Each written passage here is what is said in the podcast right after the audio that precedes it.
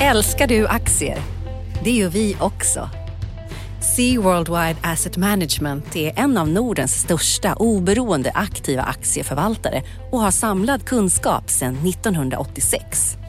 Ta del av vår kunskap på seaworldwide.se. Bokstaven C, worldwide.se.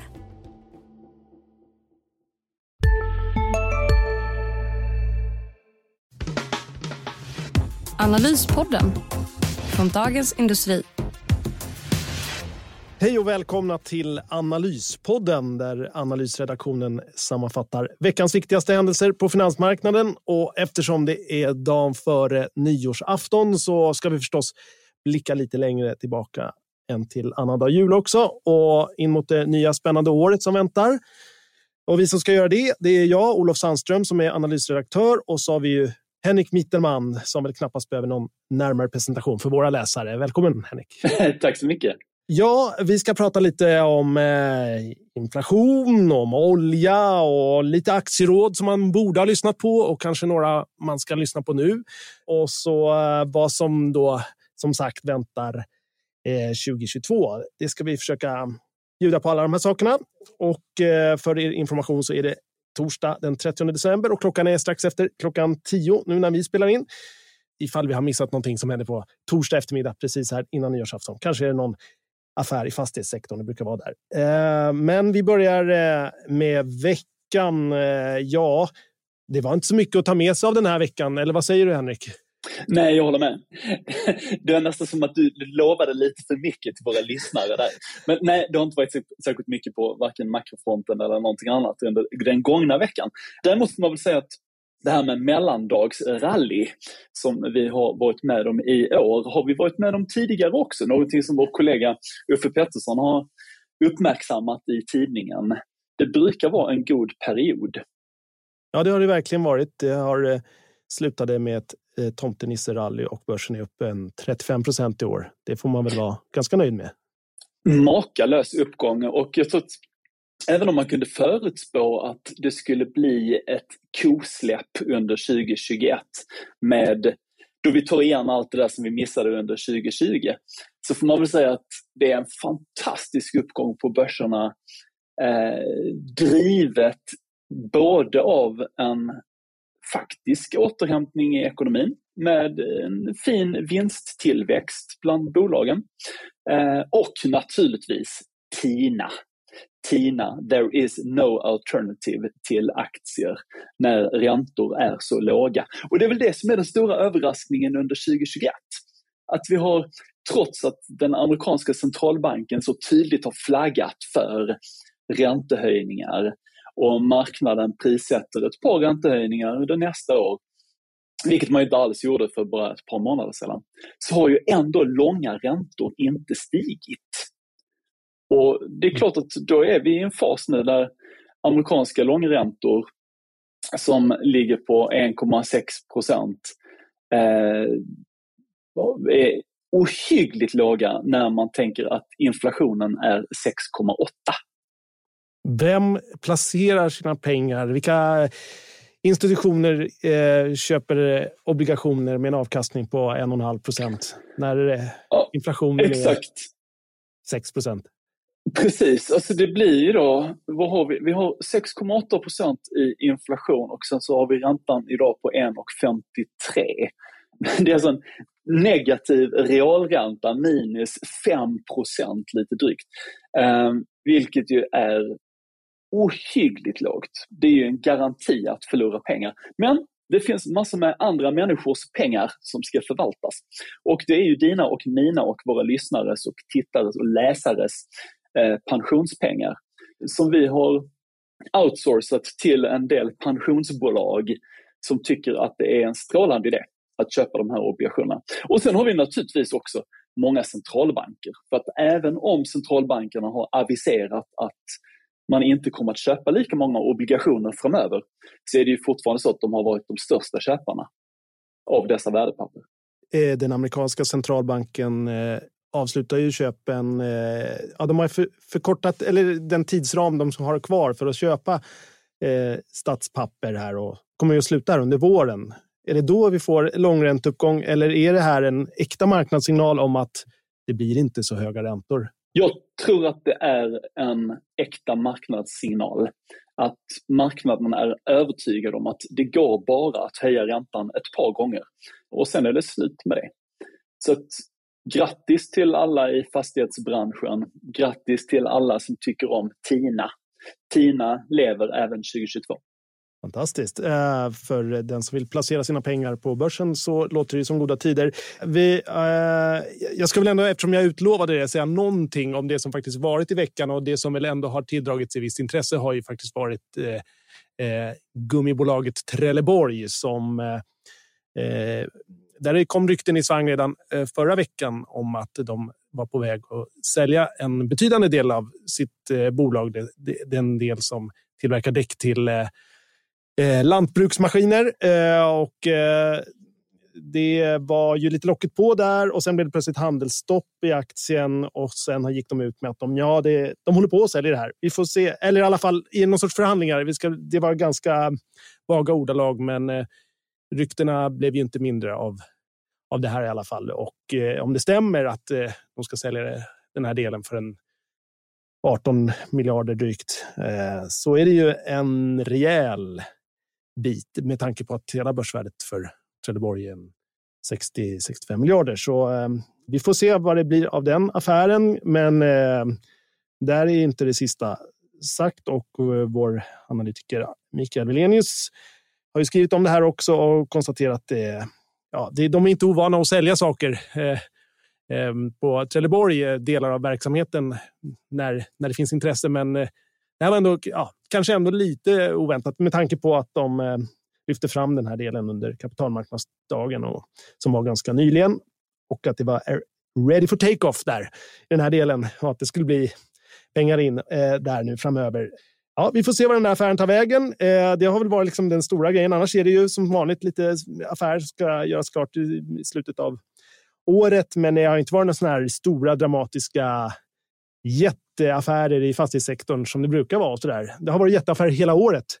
Eh, för, för, eh, flera hundra miljarder har ju varit flera sammanslagningar, eh, uppköp eh, och så vidare. Både här i Sverige då med Castellum Kungsleden och eh, utomlands med eh, de här väldiga eh, suget efter Entra-aktier, det norska fastighetsbolaget där väl varenda svenskt fastighetsbolag med någon typ av heder vill, vill vara med, har var, velat vara med och köpa eh, aktier. Men eh, det har varit eh, mycket dramatik kring det också. Men detta om detta. Ja, vi fortsätter väl att titta mer fram eh, mot det nya året och det är ju Eh, om, jag, om vi tittar bak först då. Det har ju ändå varit inflation som har varit på tapeten i USA som vi var inne på. 6,8 procent. Det är ju riktigt svettigt. Här i Sverige har det ju bara varit lite över tre. Det ehm, känns ju måttligt i sammanhanget. Men å andra sidan är ju löneökningarna ännu lägre i alla fall eh, totalt sett i samhället. Så att, eh, det är reallönesänkningar vi ser här just nu. Ska det fortsätta så här? Vad tror du, Henrik? Ja, men det är ju en gigantisk överraskning att inflationen skulle göra comeback på så, så brett. Alltså vi gick in i det här året med en amerikansk inflationstakt på 1,4 och nu avslutar vi året med 6,8 procents inflation. Och en ganska bred bas. Det är inte bara så att det är oljepris eller som i Sverige med elpriserna och sådär, utan ganska så bred bas. Det avgörande framöver, det blir ju löneökningarna. Är det så att vi får se en rejäl uppgång i löner, då blir det lite mer permanent. Nu gissar ju de flesta att det är en ganska tillfällig inflationsuppgång. Drivet lite av det här kosläppet såklart. Kapacitetsproblem, halvledarna har vi skrivit mycket om i tidningen. Eh, och det är till och med brist på ansjovis till Janssons frestelse. Så att det finns många olika sådana förklaringar. Men avgörande framöver, det blir just lönerna. Och där är juryn ute och överlägger.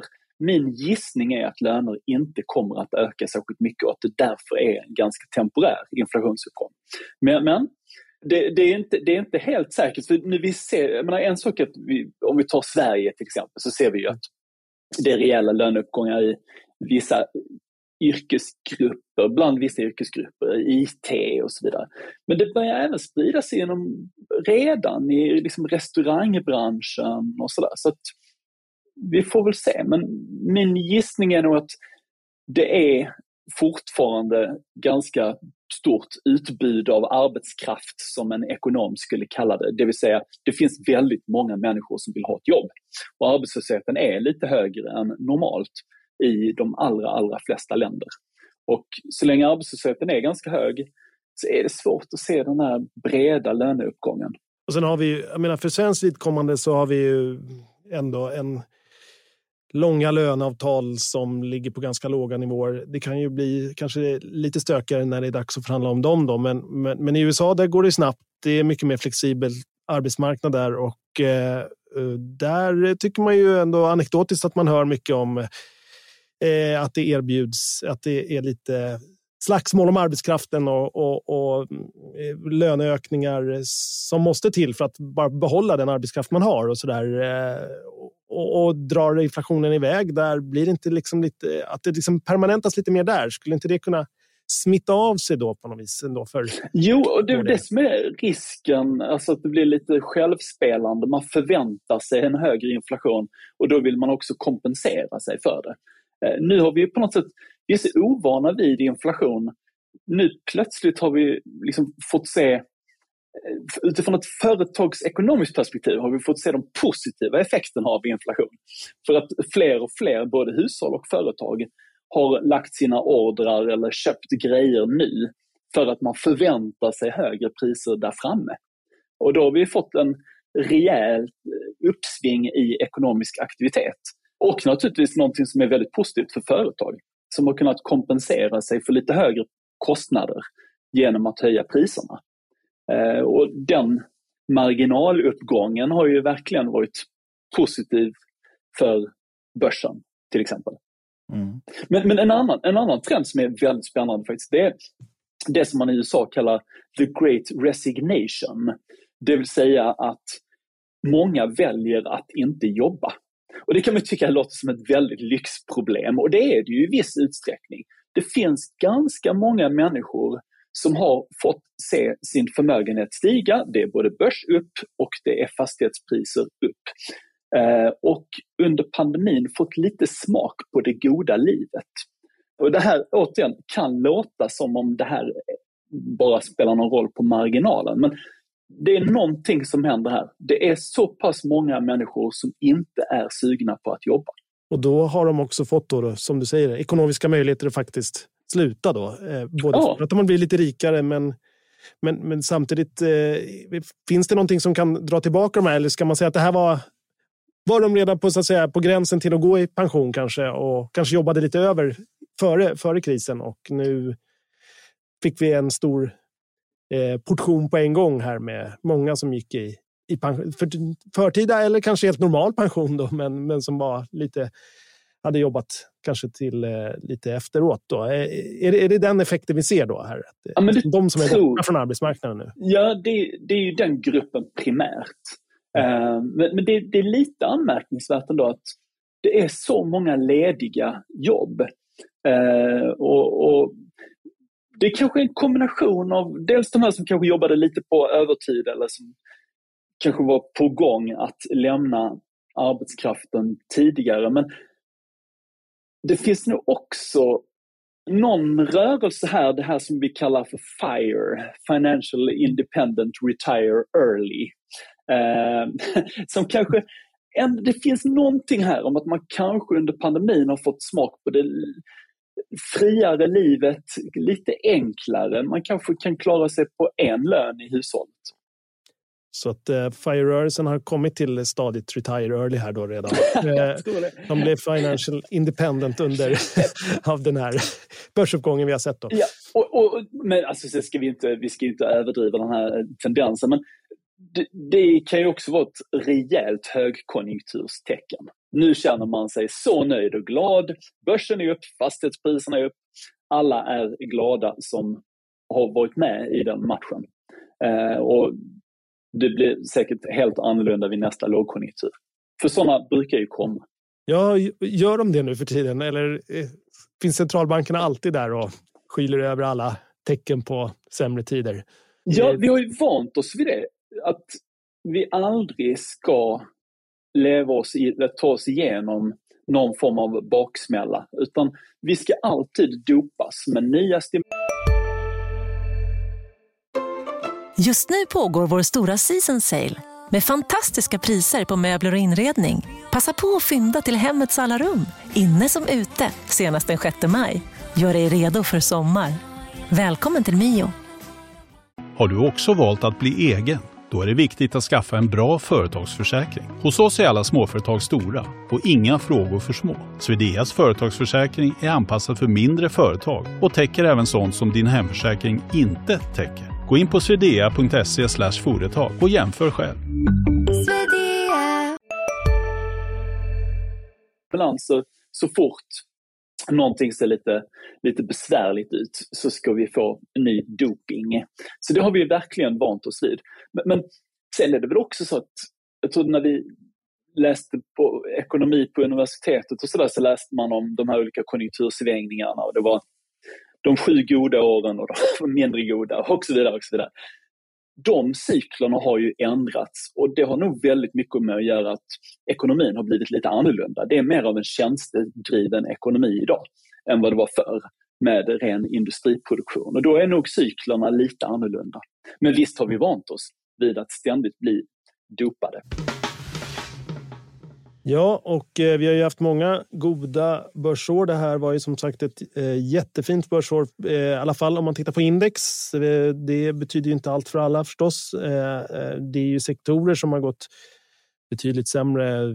Tittar man på biotech och forskningsbolagen mm. på Stockholmsbörsen så har man satt sina pengar där, då har man inte fått några 35 procent upp. Det är ganska garanterat. Medan eh, det har sett betydligt ljusare ut i, ja, fortsatt skulle jag nog säga i till exempel Mannenbergarnas Investor. Alltså, det har varit bra år. Mm, i investmentbolagen, eh, äga och förvalta har varit grejen och eh, även i fastighetsbolagen har det också varit goda tider. Även om det har gått ner lite på slutet så har de ändå det är också överträffat index och så där. Så det, det finns en eh, eh det är alltid en tudelning, men eh, det har ju varit ett, en rörelse mot den här typen av ägar, ägarbolag och vi har ju också sett en inströmning av eh, bolag som eh, egentligen uteslutande verkar ägna sig åt eh, förvärv. Det är liksom förvärvsbolag eh, som antingen har tagit steget in lite via bakdörren som Connyryks Vestum eller om man har varit ett lite större bolag, då, eller väldigt mycket större, eh, eh, Storskogen då, som ju börsnoterades här under hösten. Ett av de största noteringarna i år. Allra störst var ju förstås Volvo Cars som ju också har blivit en stor börsframgång så här långt. Och det är ju säkert många väldigt glada för. Det var 200 000 aktieägare som de fick in där när de gick till börsen. Så att det har ju... Ehm, eh, det är ju en stor ehm, eh, glädje för dem förstås. Eh, och eh, det är ju eh, någonting vi har skrivit om i många år, att de skulle vara på väg till börsen. Så det, det är ändå en märkeshändelse att de verkligen kom in nu. Och, och det, har eh, gjorts, det har gjorts enorma mängder affärer under året. Jag bara tittar på mm. det utifrån ett makroekonomiskt perspektiv så är företagen bara i år lånat upp 12 000 miljarder dollar. Det är pengar det. Kan man säga. Och förvärv, och förvärv lönar sig. Tina, Tina mm. Rules.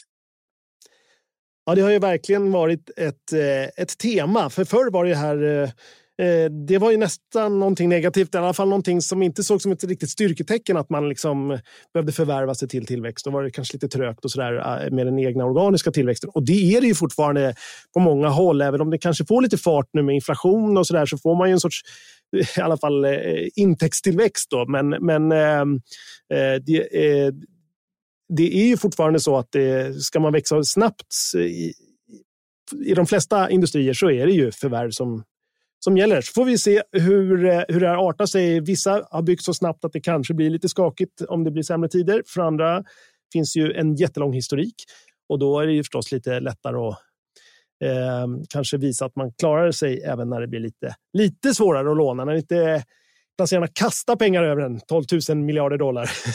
Exakt. Men jag tror du är inne på, du är inne på någonting väldigt viktigt också. att många siffror ser ju lite bättre ut kanske än vad de är. I nationalekonomin när man tittar på BNP och sånt där så är det ju alltid, räknar man ju i volym. Det är real tillväxt som vi pratar om. Eh, ser man utifrån ett vinstperspektiv så är det klart att ekvationen är, som du är inne på, lite annorlunda när inflationen är så pass hög. Mm. Men om man tar global tillväxt i år på kanske ja, 6 eller någonting. Um, och så lägger vi på en 5 inflation. Ja men då bör ju de allra flesta ha ökat sin omsättning med mer än 10% I kronor och ören eller dollar eller vad vi nu ska räkna. Mm. Det är ribban nu, den är lite högre nu. Ja, ja så är det. Så får vi se vad, om det blir någon money illusion här på börsen. men, precis, du, men precis som du var inne på så, så är det ju, har det ju varit väldigt skilda världar på börsen. Vi har de här fastighetsbolagen som har nyttjat de billiga pengarna och gjort det väldigt, väldigt bra. Förvärv har lönat sig. Grattis till alla som var med i den matchen. Um, sen har vi så, de här bioteknikbolagen. Jag tror att vi skrev om det i tidningen för någon vecka sedan att de tio största bioteknikbolagen i, på Stockholmsbörsen är ned i snitt med 40 procent i år. Det är dramatiskt. Det är dramatiskt. 35, då är man, ja. känner man sig inte så... Ja, då är det olycklig om man ja. har hamnat i den sektorn eller har valt den sektorn förstås. Precis. Ja, nej, men så det, det, är, det är tufft. Eh, och det har ju varit lite så i en del eh, populära aktier också att det har varit lite mer dramatik under hösten här som eh, till exempel kasinobolaget Evolution och även i dataspelsbolagen som också var heta bland många småsparare så har det också varit ett mycket tuffare år efter svårare jämförelsetal från ett kanske lite coronadopat år och folk var väl lite mer ute och gjort andra saker än att bara sitta och spela olika typer av spel. Och då, då märks det någonstans eh, i de här spelbolagen. Eh, men jag ska jag skulle också nämna det att vi ehm, under... Vi summerade ju också tidigare i veckan här våra aktieråd från 2020 som vi då har följt upp ett år senare. Det gör vi alltid med våra aktieråd i veckans aktie och det blev ett faktiskt ännu bättre år om man hade valt att gå på dem än att bara gå på index eh, Eh, en klar överprestation där eh, som eh, våra duktiga analytiker Micke Belenius och Agneta Jönsson, Ulf Pettersson, Johan Wendel, Rickard Bråse och Magnus Dagel står bakom. Ära de som äras bör. De har gjort ett fantastiskt jobb och ehm, det är en 17 procentenheter över index. det ska man vara glad över. Och ehm, kan väl nämna i det sammanhanget att de senaste råden handlar om klimatspecialisten Munters. Och eh, där eh, Micke Velenius gav ett köpråd. En eh, högriskaktie, ett bolag som har varit ganska, haft en tuff börsresa sedan de gick tillbaka till börsen 2017 och eh, nu eh, ser han en chans där. Och eh, Agneta Jönsson, eh, hon hittade eh, ljudboksbolaget Storytel här och tittade närmare på det och såg också goda möjligheter för en revansch i det bolaget. Så där har ni två små eh, julklappstips eh, så här, efter jul inför det nya året från en redaktion som har visat sig vara väldigt duktig på att eh, hitta vinnarna. Ja, eh, är det något mer du tänker för så här inför 2022 då? Eh, när du mm, spanar lite det som är din nästa gren, Henrik? Jag tror att 2022 blir ett ganska bra år. Jag tror att den här konjunkturuppgången fortsätter. Vi har fått en liten paus i ekonomisk aktivitet under kvartal fyra med den här senaste vågen av coviden med lite fler nedstängningar och så vidare. Men nu finns det ju ändå anledning att vara lite mer hoppfull vad gäller pandemieländet. Och då ska den här konjunkturen tuffa på. Och jag tänker därför att det blir ett år med fortsatt låga räntor. Visst, centralbankerna kan höja någon gång kanske. Inte den svenska riksbanken enligt egen utsaga, men osvuret är bäst. Eh, det är som Stefan Ingve säger bara en prognos och inte ett löfte att inte höja några räntor. Så det kanske kan komma en höjning eller så, men det är ingen dramatik. Och då tror jag att det finns ganska få hinder för den ekonomiska aktiviteten. Och då borde det bli ett ganska bra år. Och inga sjätte, sjunde, åttonde vågor här, utan nu, nu börjar det ändå ebba ut här i, i din bok. nu, nu, nu ska man vara lite försiktig som den hobbyepidemiolog vi är alla här. Men, men, men eh, om, om man liksom om vi, om vi skulle anta att det här spelas ut ungefär som, som konsensus bland epidemiologerna så, så borde det väl bli ganska okej, okay, tänker jag. Alltså då, då fortsätter kosläppet, vi ska ta igen lite av det där vi har missat, vi ska ut och resa, företagen ska träffa sina kunder, um, fler företagsaffärer. Men sen är det klart att börsen är högt värderad. Det ska man ju komma ihåg. Men värderingen brukar inte vara en katalysator i sig för varken uppgång eller nedgång. Det ska till någonting mera. Och jag tror att det finns, som jag var inne på, ganska få hinder. Och därför tror jag att det borde bli ganska bra. Vad tror du? Ja, det är ju en, eh, en miljö som ju inte egentligen har förändrats på den punkten, även om Fed vände eh, vände, sig, vände om eh, och bytte fot kanske man säger och eh, nu tänker sig ändå höjningar snabbare än vad de sa tidigare och ser inflationen som mer permanent så är det ju som du säger, det blir inte så stora höjningar och om man ska lita på långräntan så blir det inte så, så blodigt. Så är det klart. Då, eh, eh då krävs det kanske någonting mer för att det ska bli en riktig eh, sättning. Samtidigt är det klart, eh, som du säger, det är höga värderingar. Eh, jag tror inte vi får 35 procent till nästa år, men eh, den som lever får se. Eh, det blir ehm, kanske ett sånt där normalt börsår som det så sällan är. Ehm, lite, lite mer kring 10 procent. Vi får se. Det är lätt att det, det, är det sämsta man ska göra är att komma med prognoser om vad börsen ska gå på ett år. Så det, det, ska, nu gjorde jag det i alla fall. Men, men ska vi eh, stanna där? Eller har ni något eh, mer visdomsord eller tanke till eh, våra lyssnare så här inför det nya året?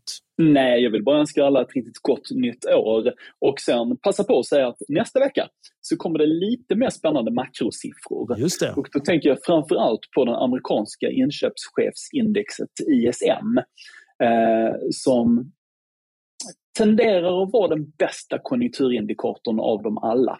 Och den är uppe på väldigt höga nivåer eh, som tyder på rejäl tillväxt i ekonomin. Eh, den har kommit på tisdag. Eh, och förväntningarna är att man ligger kvar på den här nivån och att företagen och inköparna fortsätter att uttrycka sig ganska optimistiskt om, om läget. Sen har vi även amerikansk eh, arbetsmarknadsstatistik som kommer nästa vecka på fredag. Och den har ju varit lite svängig, får man ju säga. Mm. Rejäl uppgång i sysselsättningen under, under sommarperioden. Eh, och sedan så har den överraskat lite negativt under den senaste månaden.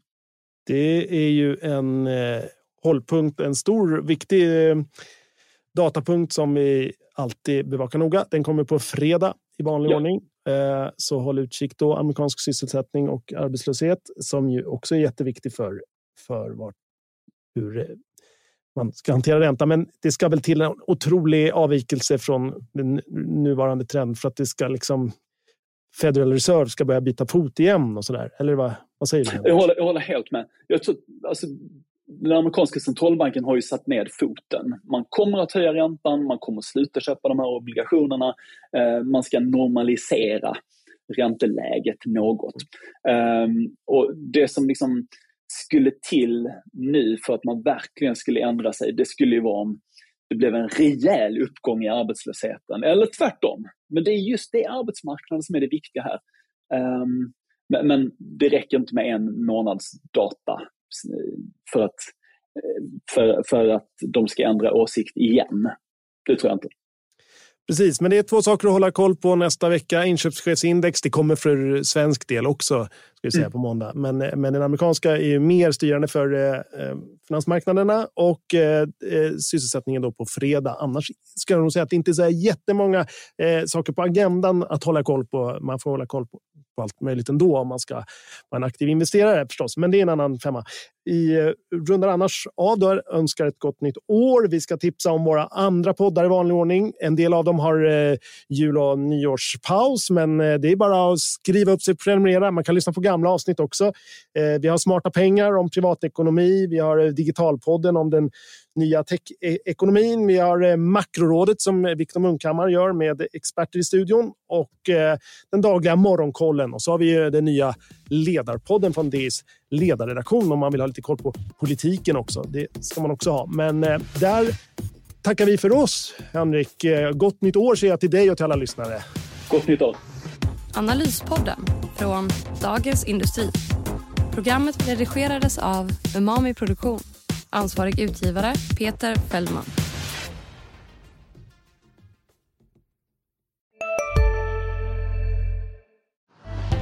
Älskar du aktier? Det gör vi också. Sea Worldwide Asset Management är en av Nordens största oberoende aktiva aktieförvaltare och har samlad kunskap sedan 1986. Ta del av vår kunskap på seaworldwide.se. Bokstaven C worldwide.se